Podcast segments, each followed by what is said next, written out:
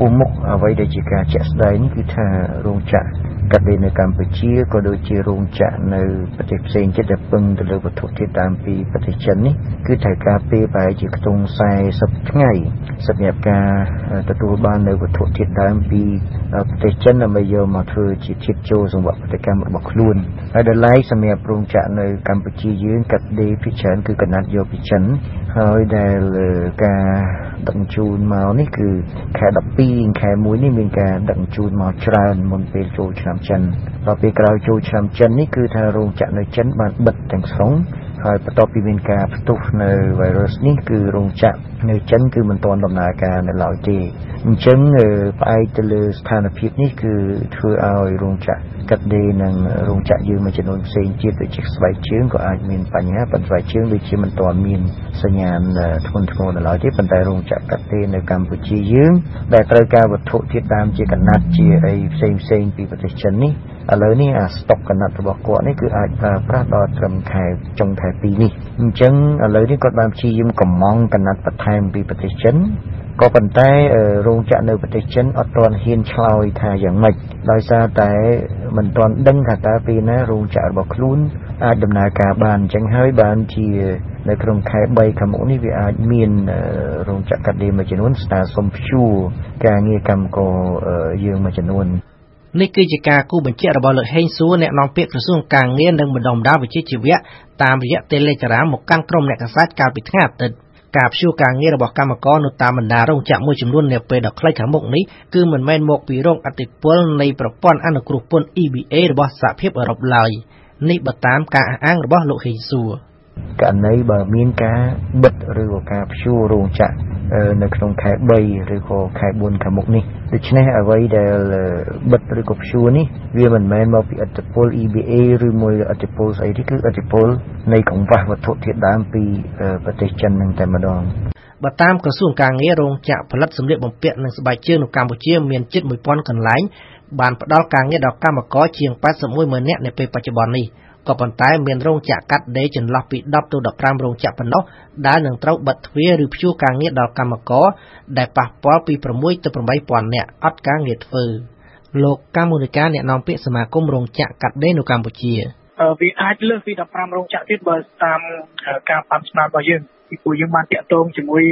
រោងចក្រដែលជាសមាជិករបស់យើងទៅឃើញថាមានច្រើនគាត់អាចនឹងជួបបញ្ហាកង្វះវត្ថុធាតុដើមដោយសាររោងចក្រនៅចិនបានបានបិទ ដើម្បីទប់ស្កាត់អាការរីករាលដាលនោះដំបូងគេថានឹងចូលធ្វើកម្មវិញនៅក្នុងថ្ងៃ10នេះប៉ុន្តែឥឡូវនេះដូចជាអ្នកជំនាញចិនគេជូនយោបល់ថាគួរតែនៅបន្តបន្តិចទៀតដើម្បីឲ្យប្រកាសថា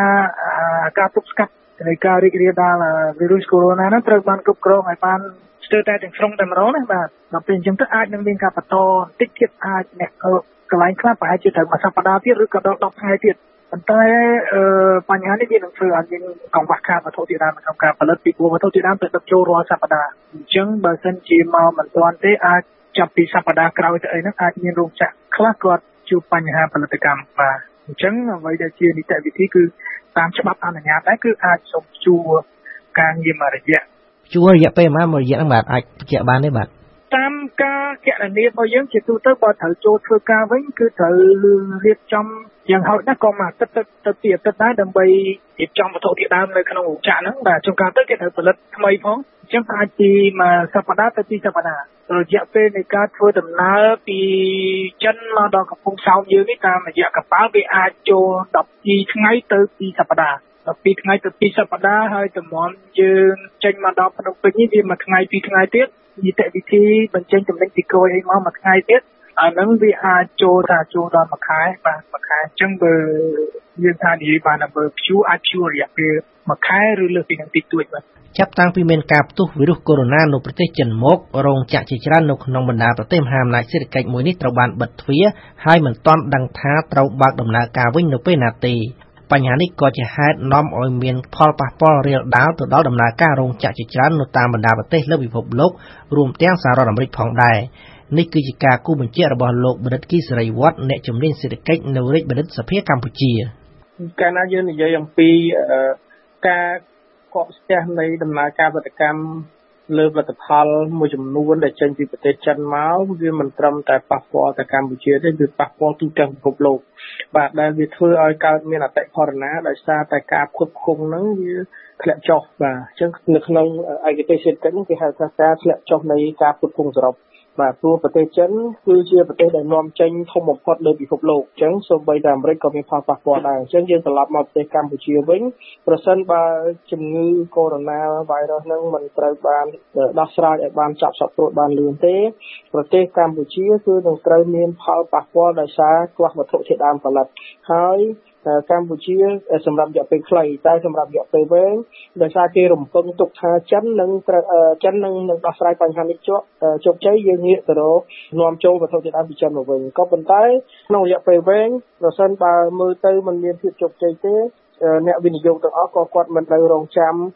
បិទ ឆ្នាំងបាយរបស់គាត់ដែរអញ្ចឹងគាត់ត្រូវទៅរកអ្នកផ្គត់ផ្គង់វត្ថុធាតុដើមថ្មីដូច្នេះវានឹងលេចរូបរាងនៃការវិនិយោគលើវិស័យវត្ថុធាតុដើមសម្រាប់កាត់ដេរចេញពីបណ្ដាប្រទេសផ្សេងទៀតនឹងកើតមានឡើងបាទសម្រាប់រយៈពេលវែងលោកអាត់ធុនប្រធានសហភាពការងារកម្ពុជាខ្ញុំគិតថាវាអាចសមហេតុផលដែរដោយសារតែ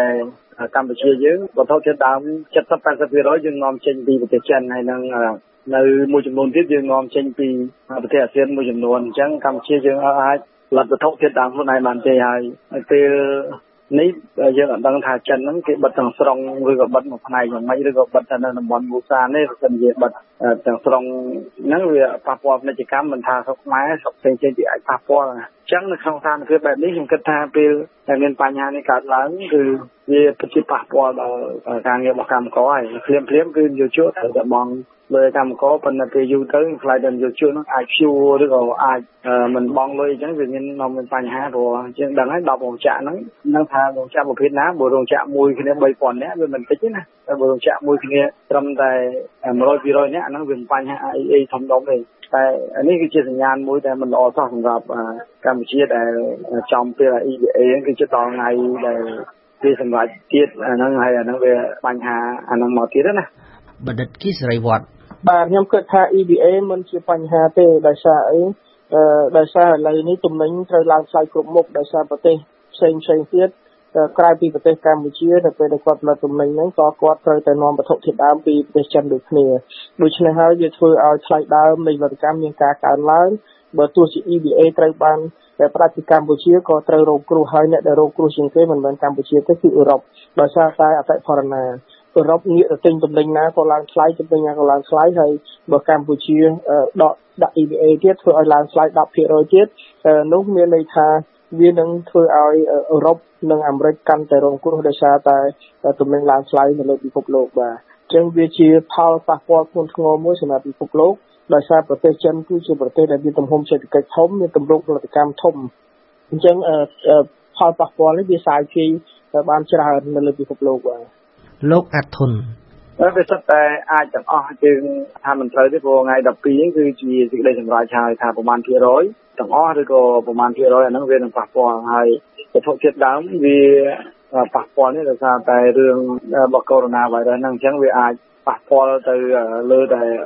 ករណីវីរុសហ្នឹងក៏ប៉ុន្តែចំពោះរឿងផ្សេងទៀតយើងគិតថាពាក់ព័ន្ធនឹង EBA ហ្នឹងគឺគេនឹងសុំមើលគេនឹងរងចាំមើលតើតើវាមាន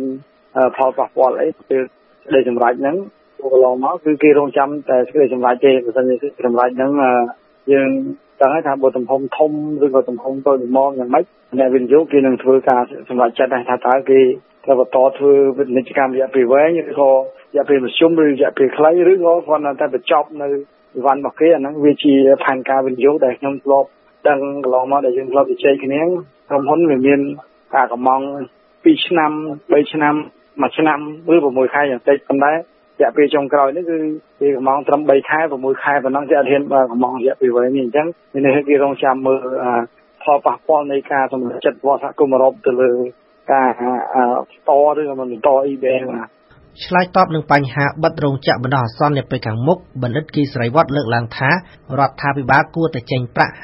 50%និងថៅកែរោងចក្រត្រូវចេញបង្គ្រប់50%ទៀតដើម្បីបើកប្រាក់ឈ្នួលឲ្យកម្មករនៅពេលណាដែលរោងចក្រព្យួរការងារបាទក្នុងរយៈពេលខ្លី